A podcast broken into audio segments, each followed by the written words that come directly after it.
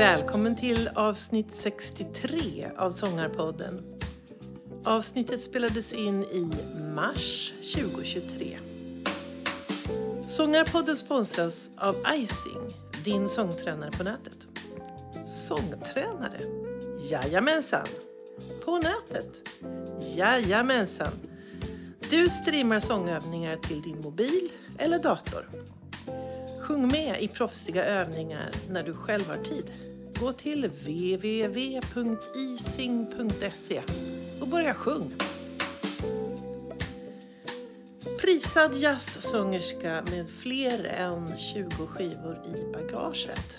Nu firar hon 30 år som artist och kompositör. Lyssna på ett härligt samtal om rösten, sången, musiken. Vi väntar på Lina Nyberg.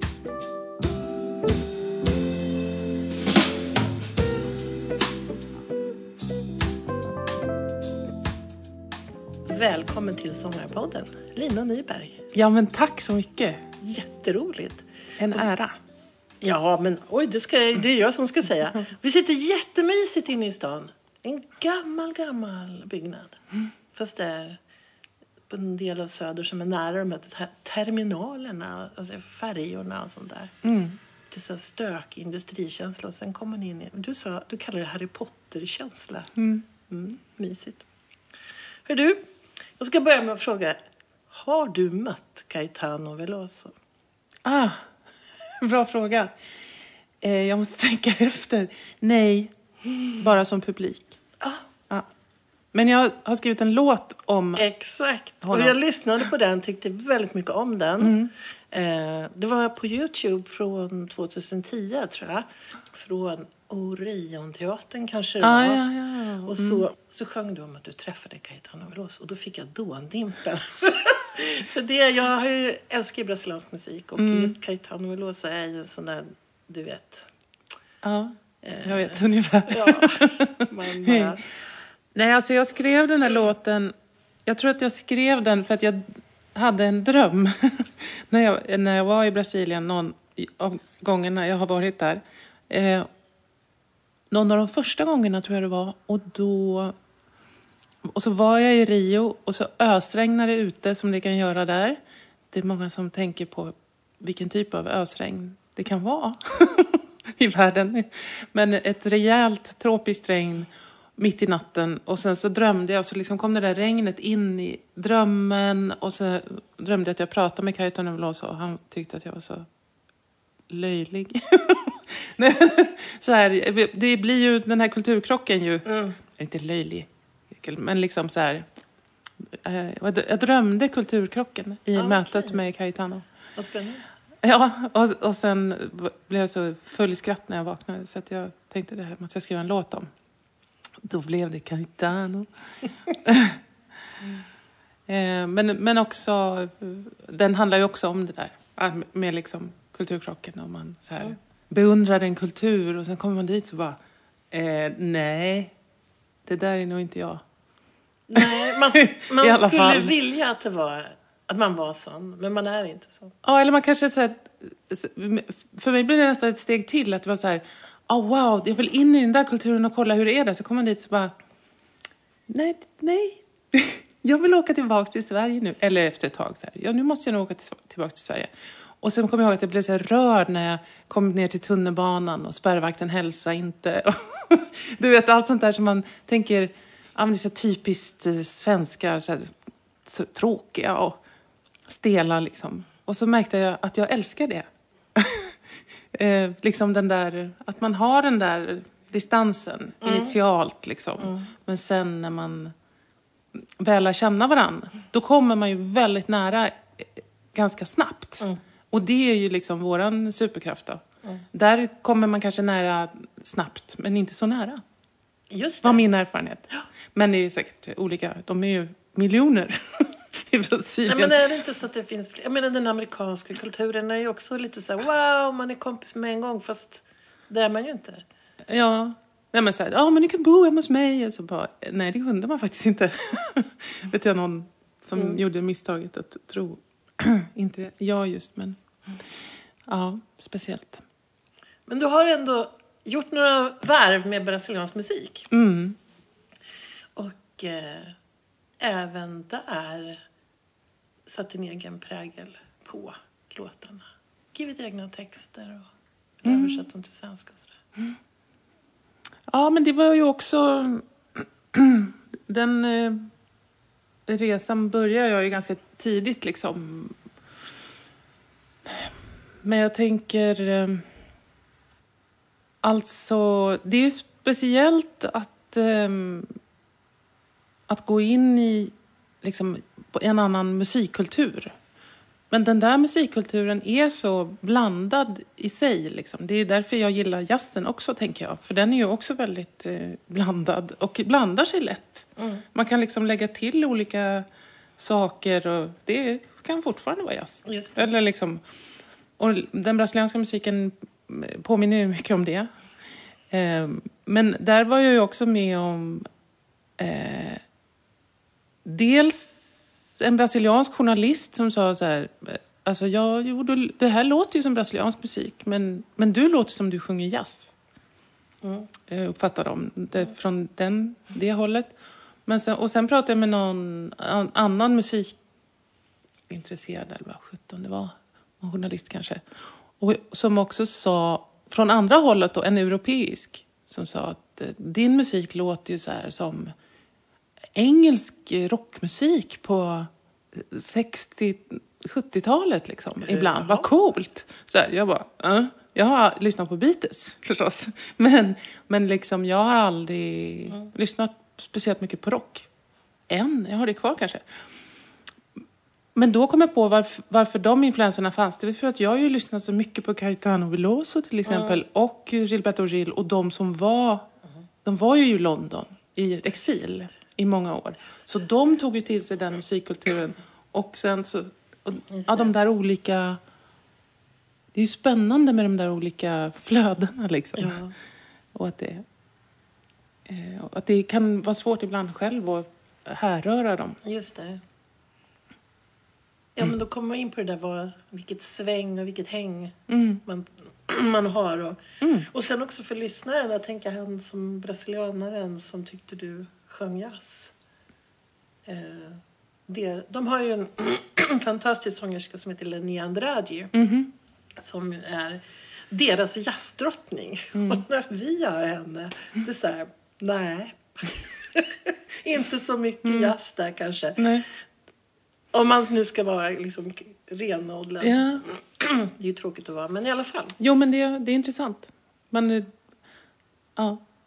Också att det kallas instrumental musik. Även om det är sång, om det är jazz. Mm. Mhm. Antagligen för att det är solo. Eller jag vet inte. Är också, alla, liksom, men det är något uppfriskande med att man, för alla ens egna så här, man har gjort ramar runt saker och satt in saker i olika fack. Så här uppfattar jag musik och vä- musikvärlden. Liksom. Och så kommer någon från ett land som är så oändligt mycket större än Sverige och har liksom en helt annan syn på, på hela, Mm. på alltihopa. Mm. Ja. Men man kan säga om dig. Jag skulle jag, Apropå boxar och stoppa saker i fack. Vad, vad tycker du själv? Alltså, när man lyssnar på din musik så är det ju otroligt brett. Eh, Du gör eh, ja, det här, dina brasilianska ut, s- utsvängningar eller vad man säger och sen rent jazz. Och sen de här fantastiska beställningsverken som du har gjort. Så vad, om man tänker, vad tycker du själv? Du vill, var, var vill du stoppa din, din musik? I vilken box? Jag vet inte, men jag... Det var någon som sa att jag har hittat en egen box att stoppa in mina saker i. Och lite så kanske det blir liksom när man håller på länge. Men ehm, Ja, för du har ju verkligen... Är det 30 år? 30 år sedan Close, första plattan. Ja, Grattis! ja eller konstigt ju. Ja, det är ganska mycket. Ja. Ja. Nej, men det är lite Och hur märkligt. många skivor har det hunnit bli? Ja, jag försökte fundera på det igår. Ja. Men jag, jag tror att det är 23 eller 24. Jag för mig att jag kom ikapp med årtalen, vilket ju underlättar för att komma ihåg. Och att det då är 23 plattor i år med denna. Men det kan vara 24. Men jag har glömt någon. Jag vet inte. Men det är många, men det är liksom också, det är ju det som jag ägnar mig åt. Eller liksom, och jag tänker att det för mig, eh, jag pratade med en student på musikskolan häromdagen just om det, att man så här, istället för att tänka att nu ska jag göra skivan, den bästa av dem alla, där jag liksom uppfyller alla mina önskningar och gör min grej. Liksom. Så kanske man bara, ah, vad håller jag på med just nu? Okej, jag gör en skiva med det. Och nästa år kommer jag definitivt vara trött på det som jag gjorde på den här skivan. Så att då måste jag nog göra en ny skiva. Just det. Så det, det är därför det har blivit så många, tror jag, i mitt fall. Att det blir mer som en slags dagbok eller en så här, formkurva, vad ska säga. Eller så här, vad är det jag nördar på eller liksom Just utforskar just nu? Och, och så försöker man få fatt i det liksom på en inspelning. Men är det, blir det ett sätt att dokumentera? För du är ju också jag menar, kompositör. Mm. Eh, nu blir det ju dumt att använda ord som bara. Det, men, Mm. inget med, det menar man inget med. Men man kan också vara sån som är artist och, och spelar och sjunger andras låtar till exempel. Mm. Men du komponerar ju musik och du kanske d- bidrar till att det är ett sätt att dokumentera musiken. Mm. Bara. Jo, men det är säkert naturligt. Men det är ju också... Jag kan också tänka mig att... eh, Nu börjar jag tänka på, medan du sa det, så börjar jag tänka så här. Gud vad jobbigt om man inte skrev musik. Man måste bara hitta musik som man... Eller be andra skriva. Eller, ja. Så att... Eh, helt eh, oreflekterat, alltså. Så, så eh, eh, jo, men ehm, jag tror att jag också är ganska otålig. Mm. Och att det liksom redan...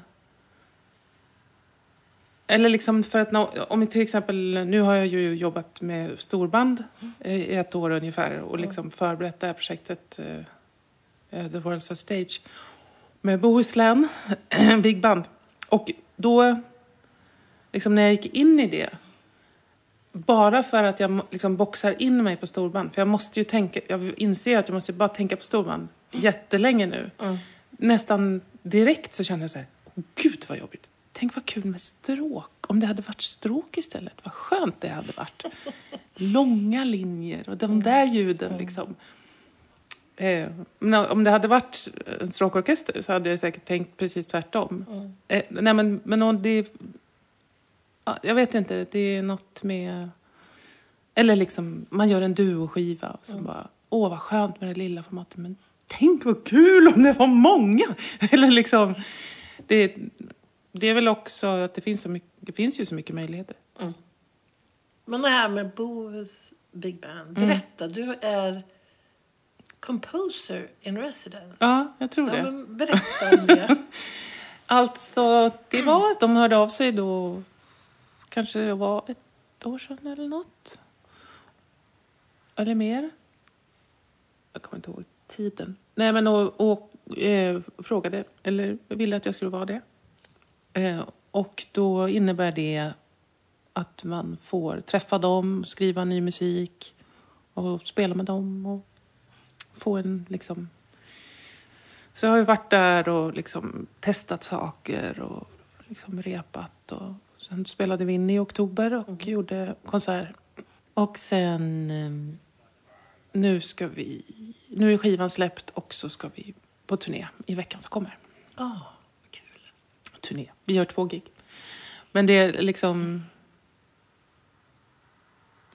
Ja, det är ju jättehäftigt ju. Och Men hur liksom- går det till? Om du är composer in residence, det låter ju väldigt fantastiskt. Så. Mm.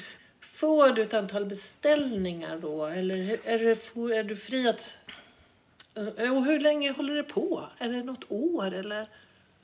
Alltså 23... Vad, vad har vi nu? 23 va? 23? 22, 23 tror jag att de har liksom skrivit. Just det. Men jag började ju kanske för, alltså i maj. Ja. Så det kanske är Mm. maj till maj. Ma- Men ehm, alltså planen var i, i uppdraget så fanns ju den här skivan. Mm. Så jag visste ju att det skulle sluta med en skiva och Just att det. man då liksom skulle på något sätt eh, skriva musik som får plats på en skiva. Mm. Ehm, så, så det blir ju liksom på något sätt eh, målbilden. Mm. Men sen vet man ju inte vad som händer i Nej. framtiden Nej, just det. förstås. Men eh, hur tycker du att det har funkat? Då? Du åker dit med lite material och så prov, provar de och så lirar ni ihop, eller hur? Det låter lite så här... Lirar ihop lite med ett stora... Äh, nej, Alltså jag har ju skrivit musik för dem förut så jag känner ju dem ganska väl eh, och gillar jättemycket att jobba med dem. Så Ja. att liksom hela det här liksom lära känna eh, och undersöka deras eh, musikaliska intentioner, eh, musikerna i bandet och sådär. Det, det kändes inte direkt nödvändigt för att det, det var ju musiker som jag har jobbat med mycket tidigare. Eh, så där, på det sättet var det ju liksom... Och sen har jag ju skrivit ganska mycket för storband så att det liksom, jag hade ju idéer om vad jag ville göra. Men kanske li, liksom vissa saker, de gör ju mycket så här, de här både storbanden och andra liksom fast anställda orkestrar, de gör ju projekt och då är det liksom rep några dagar eh, och sen en inspelning eller två konserter och sen är det klart liksom. Eh, Så de jobbar ju på någon sån löpande band-princip. Eh, och på det sättet, det som är lyxiga med det här projektet ska jag säga att man liksom har så pass lång tid att liksom gå in i projektet och liksom, man kan testa något, något som man har gjort och så bara, ah, hur funkar det här? Och, ja, men kan vi spela det här? Ta fram ur deras, de har ett fantastiskt arkiv med massa arrangemang och liksom, kan vi prova det och kan man prova ett annat tempo och liksom, liksom testa olika musikaliska eh, ingångar liksom. Jobba mer, också jobba mer ingående kanske på klangen och liksom på pröva lite, experimentera lite. Liksom. Mm. Vad kul att Ja. liksom känna att det finns tid. Ja, det är det som är den stora lyxen, tänker jag. Mm. Men eh, det är väldigt eh, utmanande. Jag känner mig som en galen professor emellanåt. Har det varit. Eftersom man säger att dels skriva musiken och sen leda bandet och sen sjunga också. Så man bara... Eh, på inspelningen var jag också producent. så då var det så här, vänta nu, vilken hatt har jag på mig just nu? Och bara kuta omkring. De bara... vem, vem är det här? Skulle du vilja att det var på ett annat sätt? Nej, det här, alltså, det här var ju väldigt kul att få pröva och göra på det här sättet. Och jag har ju gjort något liknande förut med Norrbotten Big Band. Alltså jag tycker att det är så spännande med den där grejen att sjunga och dirigera samtidigt. För att det är ju verkligen inte så vanligt. Nej. Det är typ Bar- Barbara Hannigan brukar jag titta på ibland när jag inte riktigt fattar hur jag ska vara med åt. Men det är liksom... Jag har inte hittat jättemånga som gör det. Har du sett det någon gång? Nej. Och Nej, men- kanske att man då... Alltså, det, man har en känsla av att eh, storbanden som spelade till... Alltså, glansdagarna, då var Mm. till dans och de åkte runt och då hade de sin repertoar och då kanske man var, hade spelat låten många gånger och kunde ha marginal att Mm. Ja. dirigera. Men att komma Ja. med ganska ny musik och dirigera samtidigt låter lite övermäktigt. Sådär. Mm. Det är, men det är ju också egentligen samma sak att my- mycket av musiken det är ju inte som en klassisk eh, dirigent att man liksom står hela tiden och slår, liksom takterar. Nej. Utan mycket av musiken, på grund av att det finns trummor, är ju liksom... Och de är vana att spela utan att det är någon som står och liksom... Så att mycket kan man ju också sälja ut om det är så här, ja men här orkar inte jag vända mig om och slå av. Eller liksom, om, om det är, man är mitt i en fras och vill Ja. ha publiken liksom i fokus, till exempel. Ehm, så då, och då kan man ju be någon kanske som inte har något annat att göra. Just kan du slå av? Alternativt eh, kan man slå av liksom, med ryggen mot bandet. Har jag, gör jag ju mycket. Kanske otrevligt, men hellre det än ryggen mot publiken kanske. Det tycker jag. Ja, men det, det tycker jag, jag är jättefascinerad av det. Jag tycker det är spännande med dirigeringen och jag, jag tänker att man som sångare ändå, man är, håller på, man är i kroppen och man är liksom, mm. om man har sjungit i kör, man är van vid liksom körandas och man liksom, vi, vi visar ju mer med kropparna än, än vad vi vet, mm. tänker jag. Mm. Även om man spelar ett instrument så är det ju liksom, man ser i vitögat hur folk, mm. så här, både om man spelar stråk eller blås eller vad man nu gör. Liksom. Mm. Jo, men så på det sättet, eh, det blir ju ett sätt att komma in i musiken också, liksom rörelsemässigt, mm. upplever jag. Mm. De här eh du har ju haft stråkar, de här du längtade efter. Mm, mm. du har ju gjort det här. När jag först lyssnade så visste jag inte att det var ett beställningsverk. Så när jag läste att det var en trilogi. Ja, du menar den? Ja, mm. med Norrlandsoperan. Ja. Ett beställningsverk med, du berättade i tre delar. Mm. Det var... Först Norrbotten Big Band då, den första delen. Och sen stråkkvartett. Och sen? Och sen Norrlandsoperans orkester. Men berätta, det var, och du fick ju så otroligt fina recensioner. Ja. Ja, nej men alltså det var ju också apropå att man inte planerar allt utan att det mm. bara så här. Det började med storbandet för det var att eh, Håkan Broström, tror jag det var då, som liksom hade hand om Norrbotten. Eh, tog kontakt med mig och bara, nu hittar vi på någonting och du kan mm. väl skriva ny musik och så här. Och så bara, ja ah, vad kul. Och sen eh, liksom, de sökte pengar från Kulturrådet för beställningsverk och så skulle, skulle vi göra det här. Och då hade jag ju inte skrivit liksom, så mycket musik för så stort band. Mm. Bara liksom enstaka stycken kanske. Och när var det här? 14 tror jag. Mm. Eller 13 kanske. Men, och då, då fick jag ju verkligen eh, panik. Liksom. Hur ska jag, var börjar man ens? Mm. Liksom? 40 minuter musik för storband. Man bara, det, bara liksom, det är ju som gjort för panik. Ehm, men då hittade jag ett tema. Jo, men då pratade jag med en kompis som är manusförfattare. Mm. Och hon berättade, alltså filmmanus. Och hon berättade att de alltid gör så här moodboards och liksom mm. även typ, samlar in musik som hör ihop. Om man liksom inför ett stort projekt innan man, som kick-off. Mm. Så bara, ja men vad, vad, vad ser vi för någonting hör ihop med den här mm. produktionen? Och vad är det för färger? Vad är det för liksom tempo? Vad är det för, säg en låt som skulle passa ihop med det och säg något, du vet så här, samlar ihop för att försöka ringa in det innan man börjar skriva liksom. Det tyckte jag var så inspirerande så att, då, då tänkte jag, jag gör likadant. Så jag gjorde en, en moodboard med liksom bilder och eh, bara så här impulser som jag hade. Och då visade jag att allting handlade om havet. Allting handlade om eh, resor som jag hade varit på. Jag tog liksom bilder som inspirerade mig från fotoalbumet. Typ. Och då hade jag just varit mycket i Asien de åren innan. Så att jag hade liksom lite så här Vietnam, lite Japan och så här. Och de här... Eh, och så tittade jag på den här och så bara, okej, okay, men det här är kanske mitt beställningsverk då.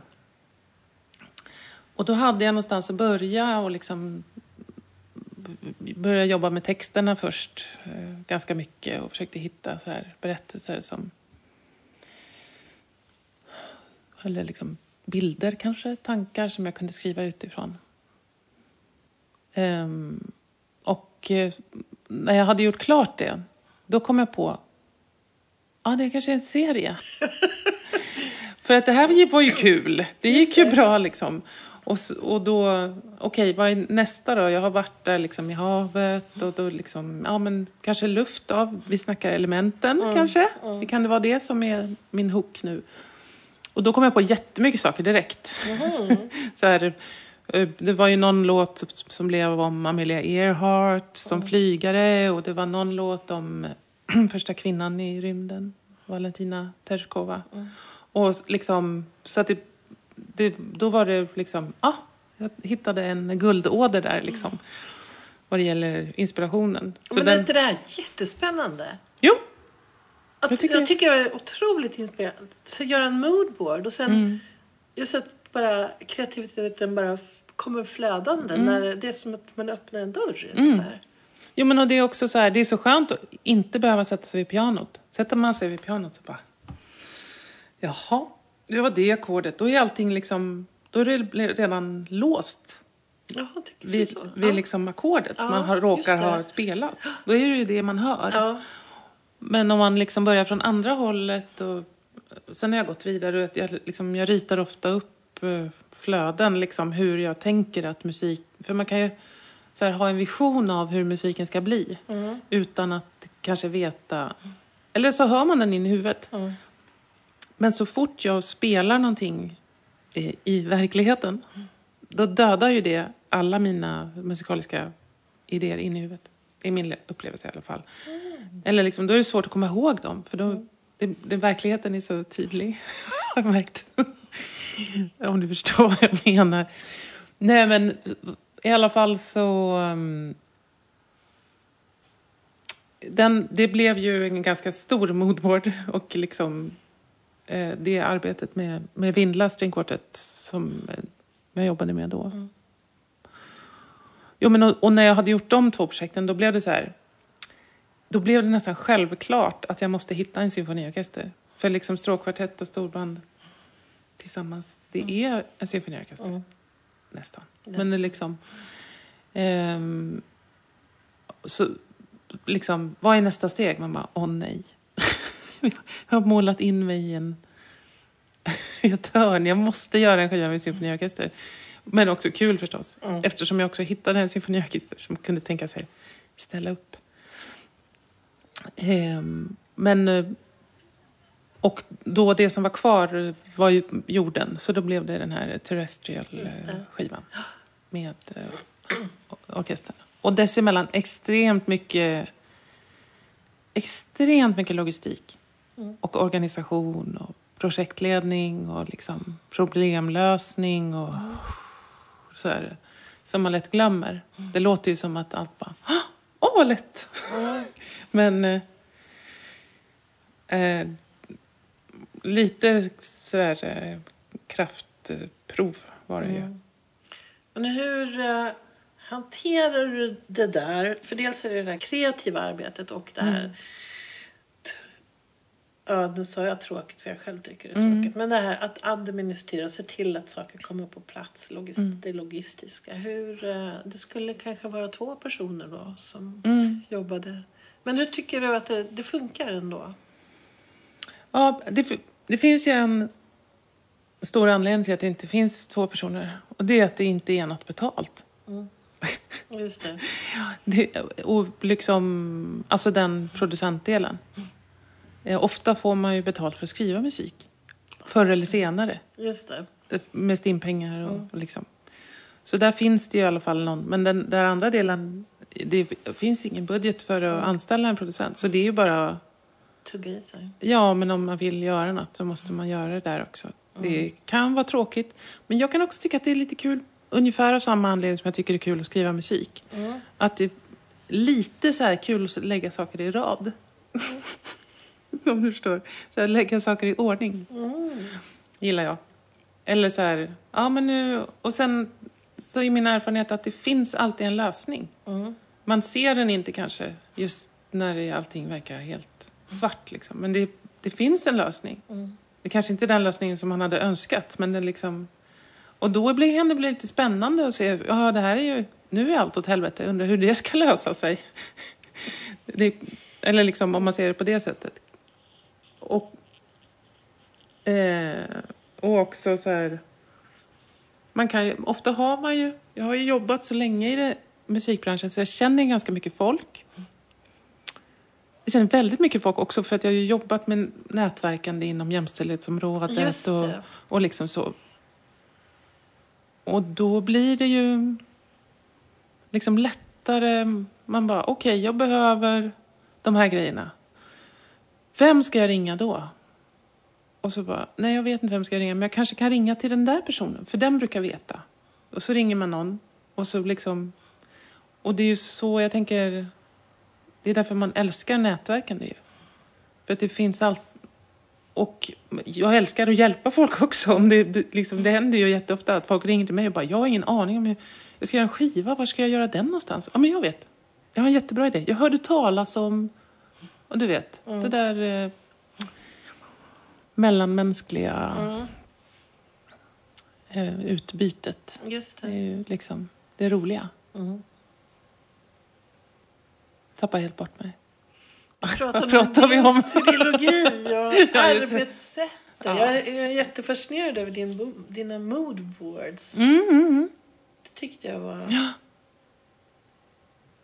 Och jag, alltså det som är kul med det också, eller liksom, det funkar ju inte för alla ska man ju säga. En del tycker att det känns helt fel. Då kanske man inte ska göra det. Men liksom, en del gör också sina mod... Jag uppmanar ju många studenter som jag träffar på Musikhögskolan att göra såna här. Och en del vill inte. Och en del bara älskar det. Och en del gör det också liksom online. Det finns ju appar. Mm. Eh, eller man kan göra på datorn. Liksom. Bara lägga in bilder. Och... Men för mig är det mycket liksom, det fysiska arbetet. Klister. Jag gillar att klistra liksom, och klippa och liksom, sätta ihop det. Och, och kunna sätta upp den på väggen. Och liksom, det. man går upp på morgonen och bara hmm, nu kommer jag på, liksom, för, Ja, just det. vad heter det? Out of sight is out of mind. Om man liksom i en Mm. process och ska göra någonting, om man inte... Det är så många saker som Just det. liksom stör en. Så att det, det kan vara bra att ha det liksom för ögonen på något Mm. sätt. Det ska jag prova. Ja, gör det. Ja, jag kände det direkt att det Ja. här kanske kan vara lite förlösande. Mm. Jag slår mig gärna ner vid pianot. Mm. Som du säger så är Mm. det det där ackordet då Mm. liksom. Nu gick det ju väldigt bra med det här projektet ska vi säga. Mm. Jättefina recensioner som sagt. Mm. Och eh, fantastisk omslagsbild apropå det. På den här, det var väl Therese? Den gröna, ja. Ja. Otroligt fint. Det här med klippa och det där. Din mamma är konstnär. Mm. Kommer- Är det, Min pappa med. ja. Han, han presenteras som tecknare men hon presenteras som konstnär. Ja, så kanske det är. Ja. Har det påverkat dig tror du? Eller Ja, ja, att jo. har, men Jo, absolut. Dum fråga men liksom, hur, vad, vad, hur tycker du? Alltså, mm, dels, dels har det ju påverkat hur man ser på ett kreativt yrke. Att det är ett yrke. Eller liksom, jag kan tänka mig att det är svårt för många som eh, vars föräldrar är skeptiska. Nej, men att man har det, liksom, det också att kämpa mot. Liksom. Eh, och även om man har, även om de är skeptiska så kan det ju ändå vara liksom svårt att förstå hur det ska gå till. Liksom. Men mamma var ju ensam med mig och min syster när, när vi var små. Och, och liksom hon gick ju till jobbet varje morgon klockan åtta. Sen jobbade hon hela dagen till klockan fem. Och sen så var det inget mer med det i sin ateljé. Mm. Och att det där liksom är en process, att man liksom... Man går och jobbar med sitt jobb. Ja, just det. Och, och det, det finns någon så myt om kreativiteten eller kre- kreativa yrken, att det ska liksom sittas och funderas. Det kanske man måste också, men, men liksom det här att eh, hålla på lite varje dag liksom. Eller att det, liksom, det är ett löpande arbete. Det tror jag är liksom den största lärdomen eh, för mig som musiker. Mm. Men, men eh, vad det gäller den bildmässiga ingången så tror jag att det går ju nästan inte att omfatta för mig. Eller liksom, det var ju allt som alla vuxna höll på med när jag var liten. var ju det enda de höll på med. höll på säga. Det var ju olika typer av bildkonst. Eh, Så för mig var ju det det normala. Mer exotiskt om någon var läkare. Liksom. Man bara, va? Eller vad nu, vad det nu finns för andra yrken än en läkare. Men jag, eh, jag tror också att det liksom handlar om att uppfatta strukturer i, i musik och i ljud. är ju också någon typ av eh, visuellt skapande. Det, alltså det visuella är ju en väldigt stor del av vår perception. Mm. Jag vet inte, det finns säkert några procent där som någon kan säga som har koll på det här. Men, men liksom... Eh, för, för mig blir allt mycket lättare. Var det, liksom, om det är så här, ah, vad ska jag göra nästa vecka? Jag bara, jag har ingen aning. Jag måste så här, skriva ner det eller titta på en almanacka eller så här, för att få överblicken. Och det är svårt att få en överblick utan det visuella. Mm. På samma sätt är det ju med musik. Eller liksom, jag ska skriva 50 minuter musik. det blir ju... Det går ju inte att omfatta liksom. Men då börjar man... Drar man en linje och tänker det här är 50 minuter. Jag måste dela upp det i olika delar. Eh, hitta en dynamisk båge kanske som passar de här 50 minuterna. Mm. Så är, då är man ju igång liksom. Mm.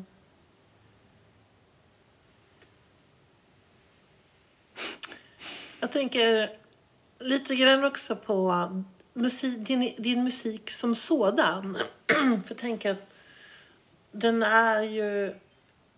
Jag börjar med att fråga vad du skulle, vilken box skulle du lägga den i? Mm. Och man kan säga, jag uppfattar den ju me- mer som...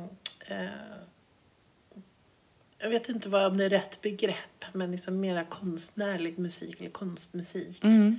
än om man skulle jämföra med underhållningsmusik eller vad man ska säga. Men tar man jazz så finns ju allt. Det Mm. Ja, finns ju, ja, ja. det är så Mm. jättebrett. Mm. Men då tänker jag också att jag hade någon fundering där om det också kommer av din... Att växa upp med alltså ett konstnärskap.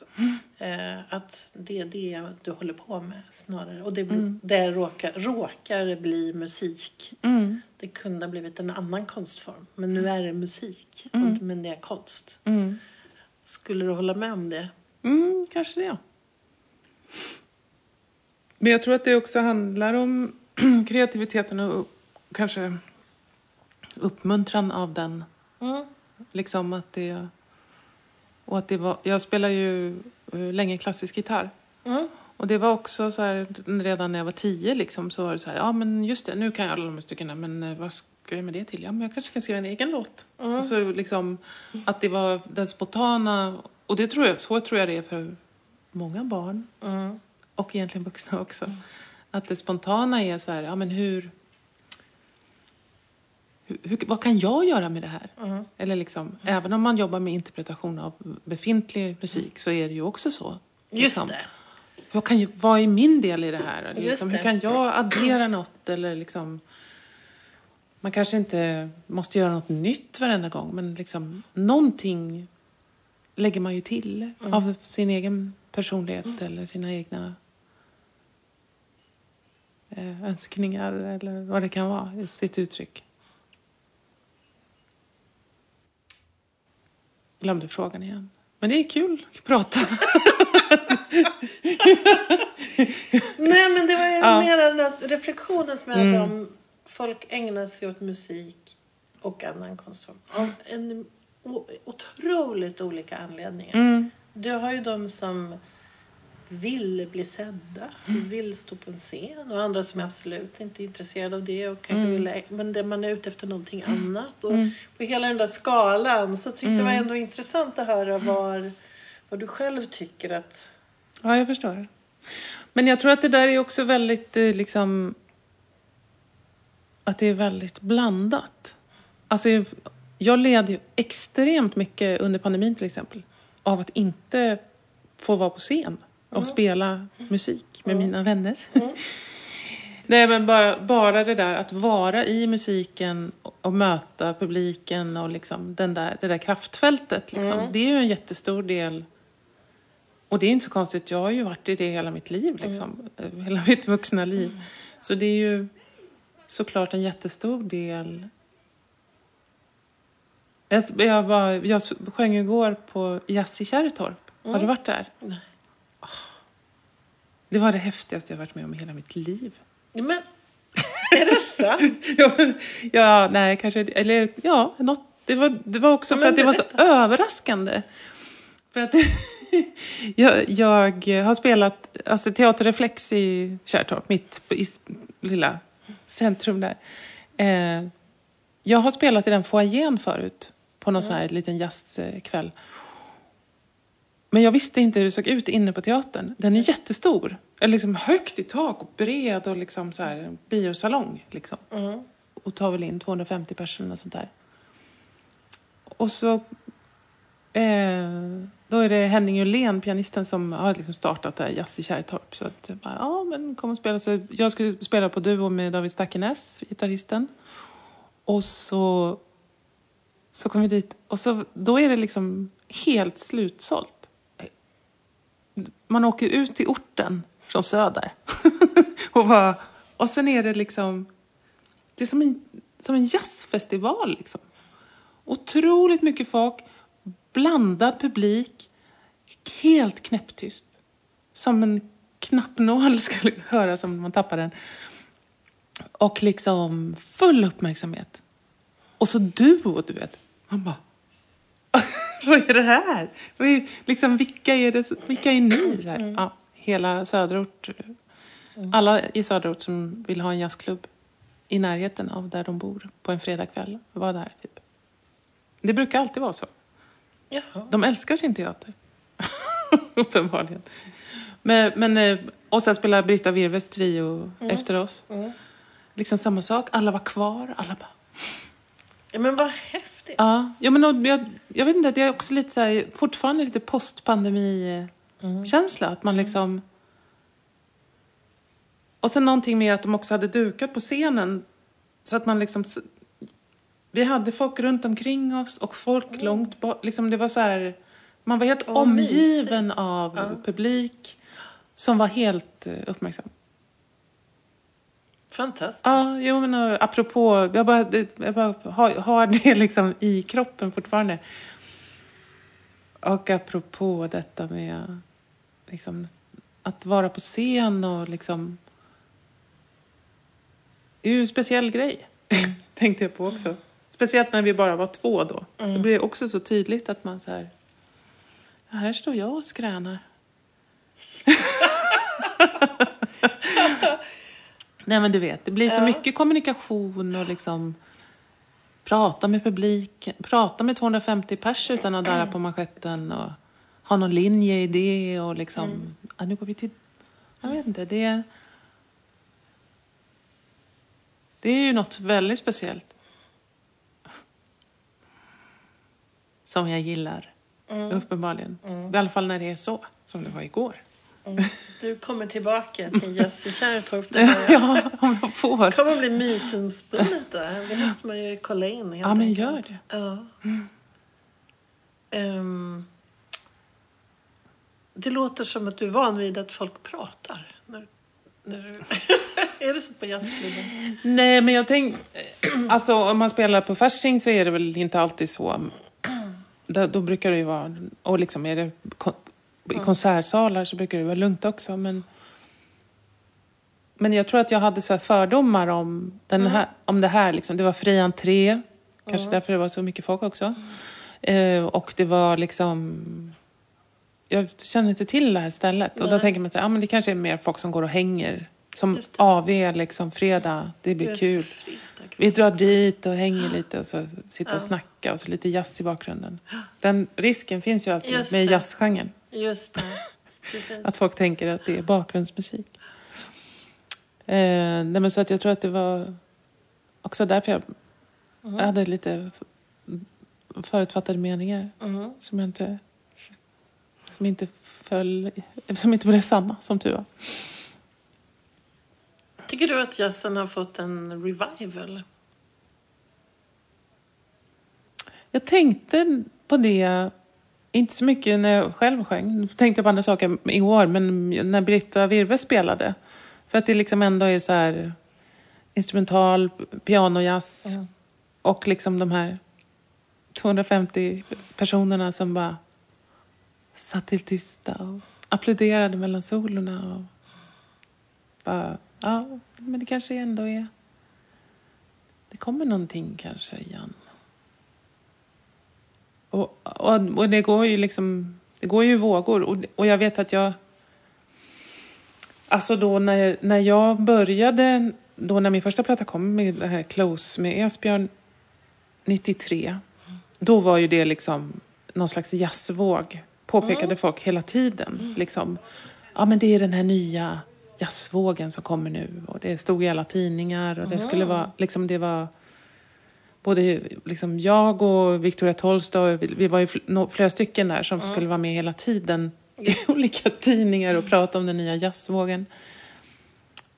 Men eh, jazzen har ju liksom, det är klart att det blir olika mycket trendigt liksom, men, men innan, innan oss så var det ju massa andra sångare som liksom eh, Lollo Alke och Monica Borgfors och Berit Andersson och Irene Sjögren, liksom alla, hela den klungan liksom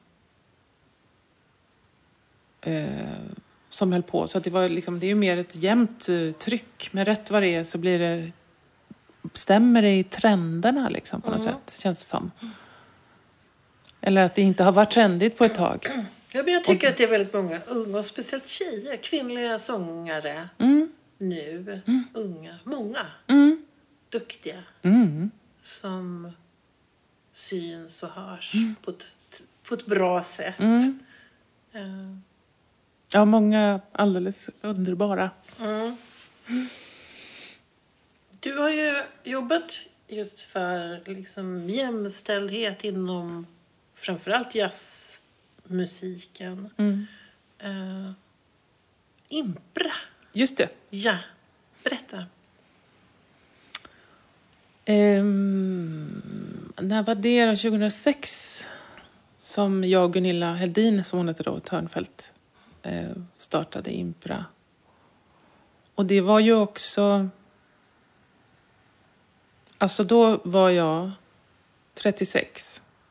Och jag pratade just med någon häromdagen om det, att liksom det är de där 30-plussarna som brukar dra igång det där arbetet. För det, då har man liksom hunnit vä- vända och vrida på liksom, nej men så här kan vi inte ha det. Vad är det här? Liksom. Och det brukar liksom i många fall kanske ta ett tag innan man inser att eh, man måste försöka påverka saker och ting. Ehm, och kanske också i samband med att man att ens generation börjar så här bilda familj och liksom och i och med det blir ju liksom kraven på försörjning hårdare och man liksom... Ja. Nej, men så för mig var det, var det nog också att det blev så... För, för mig var en stor del av att jag ville att vi skulle starta något nätverk eller någonting att jag gärna ville träffa andra kvinnor. Mm. För att eh, jag spelar nästan bara med män och man umgås bara med män och så fort man går ut så hänger man bara med killar och det är jag, många av mina bästa vänner är ju män förstås. Eh, av samma anledning. Men, men till slut började det kännas lite konstigt att man inte hade ens tjejkompisar liksom. Bara- Och man, så att för, det, för mig var det liksom, kan vi inte ha ett nätverk så vi kan ses? Det är kul att ses. Och Men liksom, det är ju en bra anledning. Ja, men att liksom prata och utbyta erfarenheter och liksom kanske också... Eh, jag började ju undervisa tidigt, liksom, så fort jag gick ut musikhögskolan egentligen. Så att det, jag liksom... Många av dem som jag drog med, alltså, eh, drog med mig var ju före detta elever eller studenter. Ehm, och eh, liksom, var, jag hörde ju deras berättelser kan man säga. Eh, var, och det blir ju också så här, en, förutom mina jämnåriga och mina liksom, äldre kollegor. Så det blev ju också som en så här... Jag vet inte, jag kan få den där känslan av att man vill inte att den unga generationen ska ge upp redan innan de har börjat. Eh, lite så kan det vara nu också. Jag pratade med en tjej som är 18 för några veckor sedan som intervjuade mig. för något eh, arbete i skolan. Liksom. Hon var så här, det känns som det inte är någon idé. Det är såna... Det är sånt, sånt hårt motstånd liksom, mot, eh, mot jämställdhetsarbetet. Man bara, nej, det är fel. Ge inte upp nu. Man kan inte vara 18 år och ge upp. Ja. Men eh, det är liksom ett Sisyfos-arbete Mm. ju, med jämställdheten, känns det som. Så fort man liksom slappnar av så bara... Ja.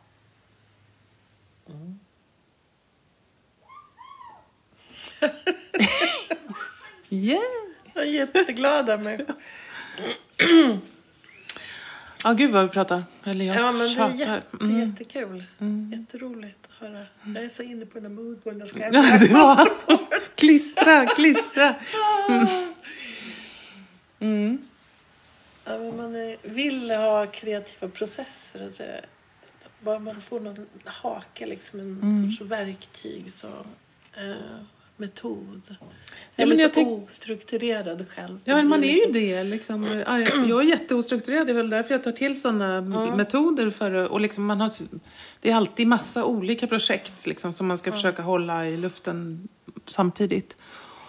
Så att man får hitta sätt att strukturera, liksom, kategorisera upp saker så att man verkligen får någon ordning.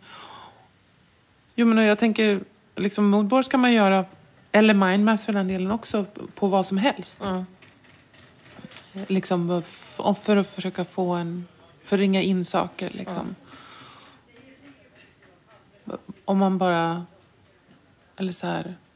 För, att identifiera vem är jag? Vad är det som är viktigt för mig just nu? Vad, liksom, det kan vara svårt att liksom sätta fingret på det. Ja. Och då är det ju svårt att driva saker om man inte ens vet vad man vill. Ja, det måste man. Ja, Någon sorts mål. ja. Du har ju varit, eh, undervisat mycket. Mm. Berätta om det. Och eh, jag vet att du är intresserad av eh, rösten och röstvård och lite sånt där. Mm. Berätta. Jag började undervisa på jazzgymnasiet i Gävle när jag var 23. Utan någon som helst erfarenhet eller pedagogisk utbildning. Juhu! Yes. Men lite som det också var då, liksom, många av de som undervisar på jazzsidan eh, på instrument också förr hade ju ingen liksom, pedagogutbildning. Eller liksom, för att det, han, det handlar om ett eh, mm, muntligt, eh, man liksom överför Mm. sin kunskap på andra sätt eller spelar tillsammans eller liksom lära varann. Och det kanske också är det som har gjort att det har blivit lite gated för Mm. vissa grupper i samhället som kanske inte är män då, till exempel. För att det liksom just handlade om så mycket om det. det. För, alltså för länge sedan. Men, men, eh, men jag började ju på samma sätt själv då och hade de test, testpiloterna, de här gymnasieungdomarna som inte var så mycket äldre än mig själv, eller att säga, yngre menar jag. Mm. Alltså, Som ju då var liksom 17-18 och jag var 23. Mm. Men eh, det, jag fick också möjlighet att undervisa en del i Umeå på en jazzkurs som fanns där. Mm. Under tio års tid tror jag, bara på somrarna. Och jag eh, fick också erbjudande om att jobba som timlärare både på Musikhögskolan i Stockholm och i Göteborg. Eh, för att det fanns så få Mm. sånglärare som hade liksom den typen av inriktning som jag hade i alla fall. Ehm, och eh, liksom undervisa i ensemble och annat också för den delen. Men eh, det var ju liksom, jag var ju jätteung då. Så att det var liksom parallellt med min egen, liksom alla de här åren av undervisning är- och fortfarande är ju en del av min egen utveckling. Mm. Det är ju det som det är att vara lärare tycker jag. I alla fall. Men, men eh, eh, för att man liksom lyssnandet i att undervisa. Man lyssnar på en, en ung musiker eller en gammal. Eller liksom, man lyssnar på rösten och försöker förstå hur funkar den här rösten. Och det handlar mycket om intuition jag bara, nu bara associerar jag till att du hade pratat med Birgitta Bergman, som ju är min gamla mentor sedan 80-talet verkligen. Nej, men och, och hon är ju också så fantastiskt intuitiv. Det, det har jag nog inspirerat mig mycket tror jag. Liksom med mina så här, möten med henne. Att, att hon bara, sjung det där igen, får jag höra? Nej, kan du, kan du prova att göra så här? Och så liksom mm på något sätt, eftersom instrumentet är inne i kroppen liksom, så måste man ju på något sätt eh, ja, ta in eh, personen, rösten. Och det där har jag också liksom nu på senare år tänkt jättemycket på. Och läst lite om och tänkt på spegelneuroner och, och man, du vet, man, och hur folk reagerar på röster. Om man hör något som har jättekonstig röst så blir man ju helt... och, och liksom, det är ju en, en, någonting allmängiltigt, rösten som alla har. Och använder man rösten väldigt experimentellt, som jag har gjort emellanåt, så blir kan ju folk bli riktigt eh, arga. Jaså? Ja. Har det Faktiskt. hänt? Ja, oh ja. Jaha. Eh, Eller kränkta liksom, eller så här, illa berörda eller... Det var framförallt när jag jobbade med elektronik. Det var för konstigt för folk. Eller inte för alla, men, men liksom, jag vet att det var, har hänt vid några tillfällen att folk har ballat ur. Vilket ju, jag tycker bara det är jättespännande. för att det, det betyder ju att det liksom, det är något med rösten som, som klingar i varje människa. Och, och liksom, även om man, om man som publik sitter och sen är det någon person som tar hela, med sin röst hela rummet i besittning. Liksom. Det är ju en otroligt, eh, vad heter det på svenska, empowering. Alltså, det ger en ju kraft själv. Man kan liksom, vi andas ju tillsammans här. Det är, apropå musiken igen och gester och att man liksom, det finns ju någonting i det där. En hel kör som kan du vet. Det är något eh, mellanmänskligt med det här. Gud vad jag bara tjatar nu. Men det är kul. Eh, I alla fall. Alltså, jag tänker också på att man... Ja. Det där med att det är så himla subjektivt vad man tycker om för röst. För Mm. det kan jag tycka. Och det finns ju sångare som är jätteduktiga men man bara gillar inte rösten. Mm. Och det kan man ju inte... Dels man kan inte rå för det. Mm. Det bara är. Men ibland så tänker jag att man lyssnar på just sångare. Att man får på något sätt skilja hantverket mot massa andra delar i sången och röst, hur den låter. För mig det är så här. Men det där är också intressant apropå spegling. För att jag vet att jag läste, det var en forskare som jag hittade som hade, alltså om man hör en röst, man hör sin egen röst, men man vet inte att det är ens egen röst. Jag antar att det är väldigt svagt då, eller någonting. Då gillar man det. Man älskar sin egen röst, om man inte vet, men man vet att det är en själv. Då, Ah, bara, då då- står man inte ut. Jaha. För att, för att då är det liksom, det blir för nära liksom. Och, och, väl, och, det är jättefascinerande för att jag tänker att det är en, någonstans, man hör en röst och så bara, åh, det där, och det är jag. Men liksom det är ju sällan kanske som man, nej jag vet inte. Men jag, bara skissar nu. Där Men, måste man ju nästan undersöka. Jo, men precis. Nej, men och, och jag vet inte, jag har varit med om flera gånger, nu, ja, speciellt nu, nu har ju jag liksom, jag har mycket mörkare röst nu än vad jag hade när jag var yngre. Och, och eh, ibland kan jag höra, liksom, har jag hört mig själv utan att veta att det är jag. Och, och jag känner inte igen min röst för att jag var så ljus röst när jag var ung. Så det blir så här, var det där? Ja, just det, det är jag. Jätte... mer så här att jag reagerar, inte så här, åh vad underbart det låter, utan mer så här, jag reagerar liksom. Jag känner igen det här, just det, det är jag. det är ju så pinsam känsla. Men, vad ska jag säga, jo men det var, eh, det var det här med speglingen av röster.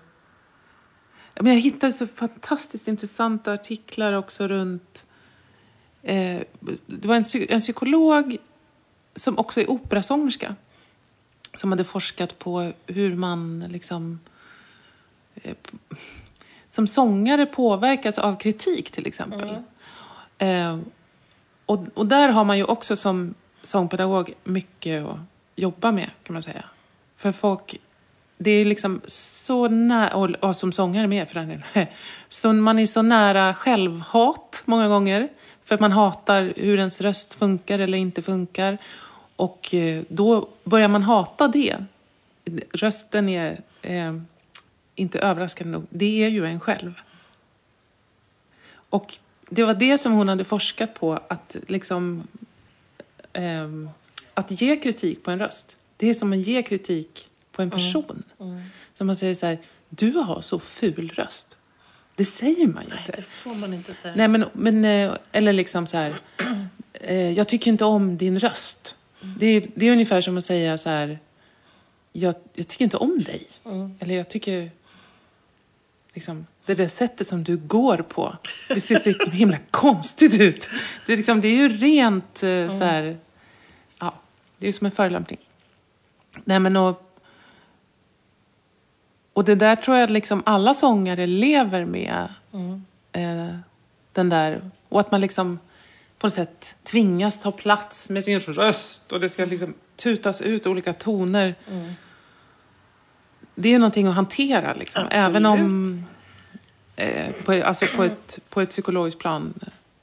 Och man liksom, att tvinga sig själv att göra det, även om man kanske en vissa dagar bara, jag vill bara sova och ligga i soffan och hålla klaffen hela dagen. Liksom. Så måste man ändå leverera. Och hur hittar man den där liksom, eh, glädjen i, i sången? Ja, men jag, jag skickar lite länkar till dig Ja, sen. jag, kanske. gör det. Men jag tycker Hon det är... Sarah Elizabeth Stedman. Okej. En, en, och som hade The, the Voice, Self Psychology and The Voice, liksom någonting. Som just... ehm, Nej men det är ju så hemskt för det står ju sån kontrast till vad man vill att det ska vara. Man ska ha sångglädje. Det ska vara underbart att sjunga. Och man ska liksom få energi. Och sen kommer den där aspekten då som gnager liksom. Och så. Men, eh, Nej, men jag kanske tänker, är därför som folk gillar att sjunga i kör. Därför då slipper du höra på din egen röst. Men du kan ändå vara med i den här liksom gemensam, gemensamma sången. ja. Nej, men jag tänker också att, att det för mig har det varit en liksom förändrings, eh, förändring genom åren också. För att jag minns när jag var, när jag var typ 20, då var jag mycket strängare både liksom hur en röst skulle låta och hur, vad som var okej att låta och liksom att vissa saker var rent pinsamma och liksom på, på ett så kanske, ska jag säga idag då, omoget sätt. Men, och vissa sångare som jag idag älskar stod jag inte ut att lyssna med. Jag- Jag stod inte ut med att lyssna på dem. För att deras... eh, Det var något med rösterna som bara... Och det kunde vara så här, typ Billie Holiday eller liksom Cassandra Wilson eller liksom kända mäktiga sångare liksom. Men som bara var något i, apropå det här. "Ah, Jag gillar inte den där och då tänker jag också att det kan vara svårt, alltså för egen del, att det, jag kanske inte, det kanske var någonting som, jag älskar det nu, så, men det kanske var någonting som grep tag i mig, men som jag inte riktigt kunde acceptera. Eller Så liksom, kan det vara. så att det uppenbarligen på olika plan. Just Det det. händer grejer som man inte riktigt kanske... eh, Som, ja, som man uppenbarligen inte har någon koll. Vilka, vilka sångare gillar du då? Då, Ja. Då lyssnade jag nog... Alltså när jag var 20 så ly, lyssnade jag jättemycket på typ Nancy Wilson och liksom... Bara Nancy Wilson. Nej men liksom Ella och liksom de... Det var liksom målet. Mål, eller liksom så här, målbilden. Så ska det vara. Mm. Men eh, och liksom att det sen blev som en befrielse att hitta de här andra typerna av röster som liksom Norma Winston eller Sissel Andresen eller liksom Sheila Jordan kanske. Ja, vad är det här? Det här kan man ju också... Liksom Ricky Lee Jones. jätteljus och konstig röst. Men det är tydligen också populärt. Just det. Nej, men att det liksom... Jag vet inte. Det, jag tänker att det, och också så här i mötet med studenterna, att det blir så här... Man vill inte att det ska komma in så här ett pärlband av exakt samma röst. Nej. Du vet så här, det finns olika ideal ju liksom i olika miljöer.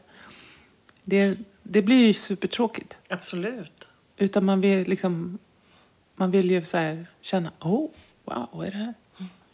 Det är det som också är problematiken, är det inte Ja. det? För man vill ha det här individuella, egna, men inte konstigt. Det får inte vara konstigt. Det får inte vara konstigt, det blir jobbigt. Det kan få vara lite, för mig får det gärna vara lite konstigt, men, men det får gärna... Och sen kan man säga så här, men det ska inte låta som att det gör ont när den personen sjunger. Men det kan också vara kul ibland, om det är liksom beroende på vilken genre eller vilket uttryck. Ibland kanske det behöver så här, skära lite och liksom brista. Ja, men jag tänker också så här, det finns ju även på, på andra sidan Stejslet, så här, Maria Callas eh, Mm, just det. Ska man uttrycka någon som dör eller liksom en text som handlar om någonting fasansfullt så blir det jättekonstigt om det då är... En perfekt underbar. Nej. Nej, men så det är... Ja, det är spännande. Fortsätter att vara spännande. Ja. Jag hade... Förra avsnittet så pratade jag med Barbara Hendricks Åh! som faktiskt har gått masterclass för Maria Callas. Mm. Vilket ju så här, det kändes som så här historiens vingslag. Ja. Ja, häftigt. Och det här att, liksom, apropå långa bågar, Mm. att eh, ja, man lär av varandra. Och, Mm. Det är olika estetik och det är olika sätt att... Eh, eh, Cathy Barbarian, har du lyssnat på henne? Hon är ju min idol också. Eller är, var, eller hur säger man? Är. Men, ehm, hon jobbar ju mycket med, liksom, på liksom 70-tal, 60-70-talet med liksom experimentell musik. Men sjöng också liksom gammal musik och sjöng liksom in Beatles. Och skrev så här, hon har skrivit ett eh, stycke som heter Stripsody som är som alltså comic strip, eh, så här, eh, serietidnings Mm. utrop som är mer som en liksom happening. Mm. Eh, men en sån röst det är spännande för hon kan sjunga det där Just det. klassiska. Men hon kan också så här göra skumma ljud. Liksom, eller trycka på och liksom sjunga med, med bröströst. Och, och eh, det är häftigt att hon har teknik att göra det liksom. Och ha hela, hela det, den bredden. Ja, det kan man ju verkligen avundas. Mm. Oj. Ehm, jag, det var något jag tänkte på. Jo, men jag, jag tycker att um, något som jag har tänkt på som är viktigt vad det gäller sången också, det är ju att det är en resa hela livet. Och det glömmer många. Och är man ung så vet man inte det. men att man så här, rösten förändras ju hela tiden. Hjälp! Och det, det är ju bara att hänga med liksom, på samma sätt som kroppen gör det. Eller liksom, det, eh, det går inte så här att hitta ett sätt att springa 100 meter och sen ska jag göra det resten av livet. Nej. Det kommer inte hända. Så att, ehm, och, och är man liksom förberedd eller man försöker tänka så att det här är liksom min resa och jag har en kropp som jag reser med. så det, måste man ju bara liksom hitta sätt att eh, liksom hantera Mm. sitt bagage. Just det. Och jag tänker att eh, för mig har det varit, liksom i många, många år så var det, så har jag liksom styvnackat envis och bara, ja men nu vet jag. Jag tycker jag hittade något sätt att förhålla mig sångligt när jag var runt 30 och så bara, nej men nu vet jag vart jag är på väg. Just. Ehm, men sen insåg jag, för också jag har många vänner som är klassiska sångare. Ehm, och, och de går ju till röstcoacher en gång i månaden. Eller eh, några gånger om året i alla fall. Och jag måste gå och åka och träffa min lärare i London. Eller jag måste, så här, du, du vet, det är, så här, det är ett arbete liksom. Om man kanske får ett uppdrag att jag ska sjunga det här. okej, men då måste jag ha hjälp för att jag har aldrig gjort eh, den här typen av roll eller jag har inte det här registret är lite för lågt eller lite för högt för mig eller det är på ett språk som jag inte är van vid. Eller... Då måste jag gå till en coach. Så att det är liksom ett... Och det är ju också så inspirerande. Vem vill vara så här, ah, jag är klar nu. Nej, men så att då, det var då som jag så här, ah, men jag måste... Så vet jag att jag tog någon lektion från en operasångerska som jag känner. Det var jättespännande att prova den grejen. Och sen, och sen träffade jag Birgitta Bergman eh, igen. Och, då, och hon är ju min lärare, var ju min lärare på gymnasiet. På Södra Latin här i Stockholm. Och eh, hon är ju klassisk eh, sånglärare men liksom har så många strängar på sin lyra. Men hon, då träffade jag henne och bara, ja men nu ska vi ha lektion. Och då var jag ju liksom etablerad och kommer inte ihåg hur länge sedan det var, men kanske 10 år sedan eller 15. Nu är jag 53, tror jag. Ja men i alla fall. Och så träffade jag henne och sen bara, ja men kör bara som vanligt, vi sjunger upp och nu har vi sånglektion liksom. Vad kul. och så kändes det väldigt kul att det var hon också. Och då insåg jag ju att jag hade ju snott allting av henne. Rakt av. Eller så här, hela hennes metodik och hela liksom, sättet att förhålla sig till uppsjungning, uppvärmning och liksom röstkvaliteter och liksom, det här lyssnandet och så. Jag sa, och det sa jag ju till henne förstås också. Men, och det var också så härligt på något sätt att få den där, återigen, bågen. Just det. Och uppenbarligen, för jag kommer inte ihåg så mycket av vad jag vi gjorde på sånglektionerna när jag var 17. Det är liksom borta. Jag kommer ihåg att jag hade dem, men jag kommer inte ihåg vad som hände. Och då uppenbarligen så gjorde vi ju de här sakerna och de liksom bara flöt in i mig. Kul. Steglöst. Och liksom bildade en grund för mig att bygga min egen eh, undervisning på. Och så tror jag att det är mycket, tänker jag. Och, och speciellt det här, eftersom det handlar ju mycket om att prata om så här, ja men gör så här eller man använder olika metoder för att få folk att låta på andra sätt. Eller testa nya saker. Så det var ju eh, väldigt spännande. Och, och där har jag också liksom gått vidare och liksom test, för att utvecklas också som pedagog själv. Liksom, Att man tar lektioner från folk från olika genrer. Eller liksom askulterar, sitta med på... Jag har askulterat med folksångare på Musikhögskolan till exempel. Också jättespännande att se hur de jobbar. Helt eh, annorlunda men samtidigt helt lika på många sätt. Så eh, jag vet inte, det är den där... Det har levlat upp mitt eh, resande i rösten väldigt mycket de senaste åren. Liksom, kanske de senaste tio åren. Och det är spännande. Det är jättekul att höra. Själv har jag haft så här, en annan karriär och då har jag alltid sjungit som hobbysångare. Mm. Jag ska inte säga just det. amatör utan hobbysångare. Och då har jag kanske... Man kan säga så här. Jag började inte ta sånglektioner förrän jag var kanske i din ålder. Jag tror att det var eh, 2012. Mm. Och s- för att jag började, eh, så apropå vad man vill göra i livet. Mm. Då tänkte jag, nej men nu vill jag ägna mig, göra det här lite mer seriöst. Mm. Så då gick jag faktiskt eh, regelbundet hos en sångpedagog ett, flera år. Och som fick, fick ju känna det där, hur mycket rösten kan utvecklas. Så att jag har, nu är jag hes idag, men annars har jag ett större omfång nu. Som 63-åring än när jag var i 20-årsåldern. Mm. Vilket ju är ganska roligt. Mm. Men också det här att hela tiden undra hur länge ska jag kunna sjunga? För det är ju också en oro. Att med åldern så kommer ju rösten till slut inte att hålla.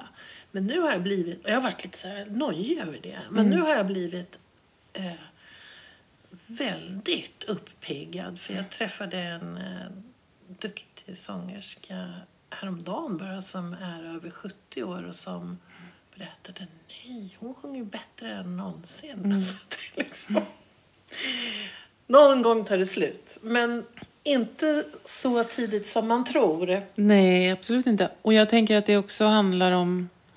Eh, eh, jag tjatar om Birgitta hela tiden, men hon är ju 80. Ja, Och hon låter ju som en flicksopran. Liksom. ja Man bara, precis. Jag glömde ju säga det. Jag var ju hemma hos henne Ja. och hade så roligt. Ja, men till, lyssna på ett avsnitt av Sångarpodden. ah, Men alltså, Birgitta Bergman. Eh, fantastisk. ah. Men det är ju extremt inspirerande Ja. faktiskt. Men jag tänker också, eh, klimakteriet eh, bullshittar ju till det lite. Så, eller man ska säga. Och, eh, men- det är ju också en... Eh, är något som vi pratar mer om nu för tiden kanske, som tur är. Och där, där finns det ju vägar igenom. Men det är ju också eh, ungefär som att man kanske fick jobba lite extra mycket innan 20. Eh, och genom sitt målbrott, även som tjej, så, så är ju det här motsvarande. Och det det är ju härligt att det pratas mer om det nu och att det finns en större medvetenhet. Och, liksom, och, och liksom även att det kanske på, påverkar oss väldigt olika och väldigt olika, precis som klimakteriet också påver, Just det. påverkar oss olika, så påverkar det, rösten naturligtvis olika. Oj, nu kommer den. Naturligt avbrott.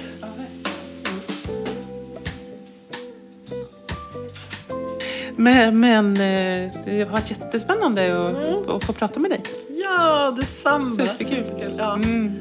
Tack så mycket för att du var med i Sångarpodden. Tack för att jag fick komma hit.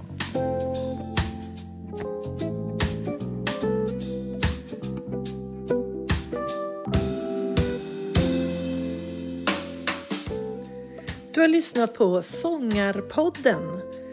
Och vill du ha mer information eller få länkar till artister med mera så gå då till vår egen webbplats www.sangarpodden.se. Vi hörs! Du som är sångare och tycker att det är svårt att hålla igång din sångröst. Kolla in Icing, din sångtränare på nätet. Gå in på www.icing.se ising.se så får du veta mera. Vi hörs!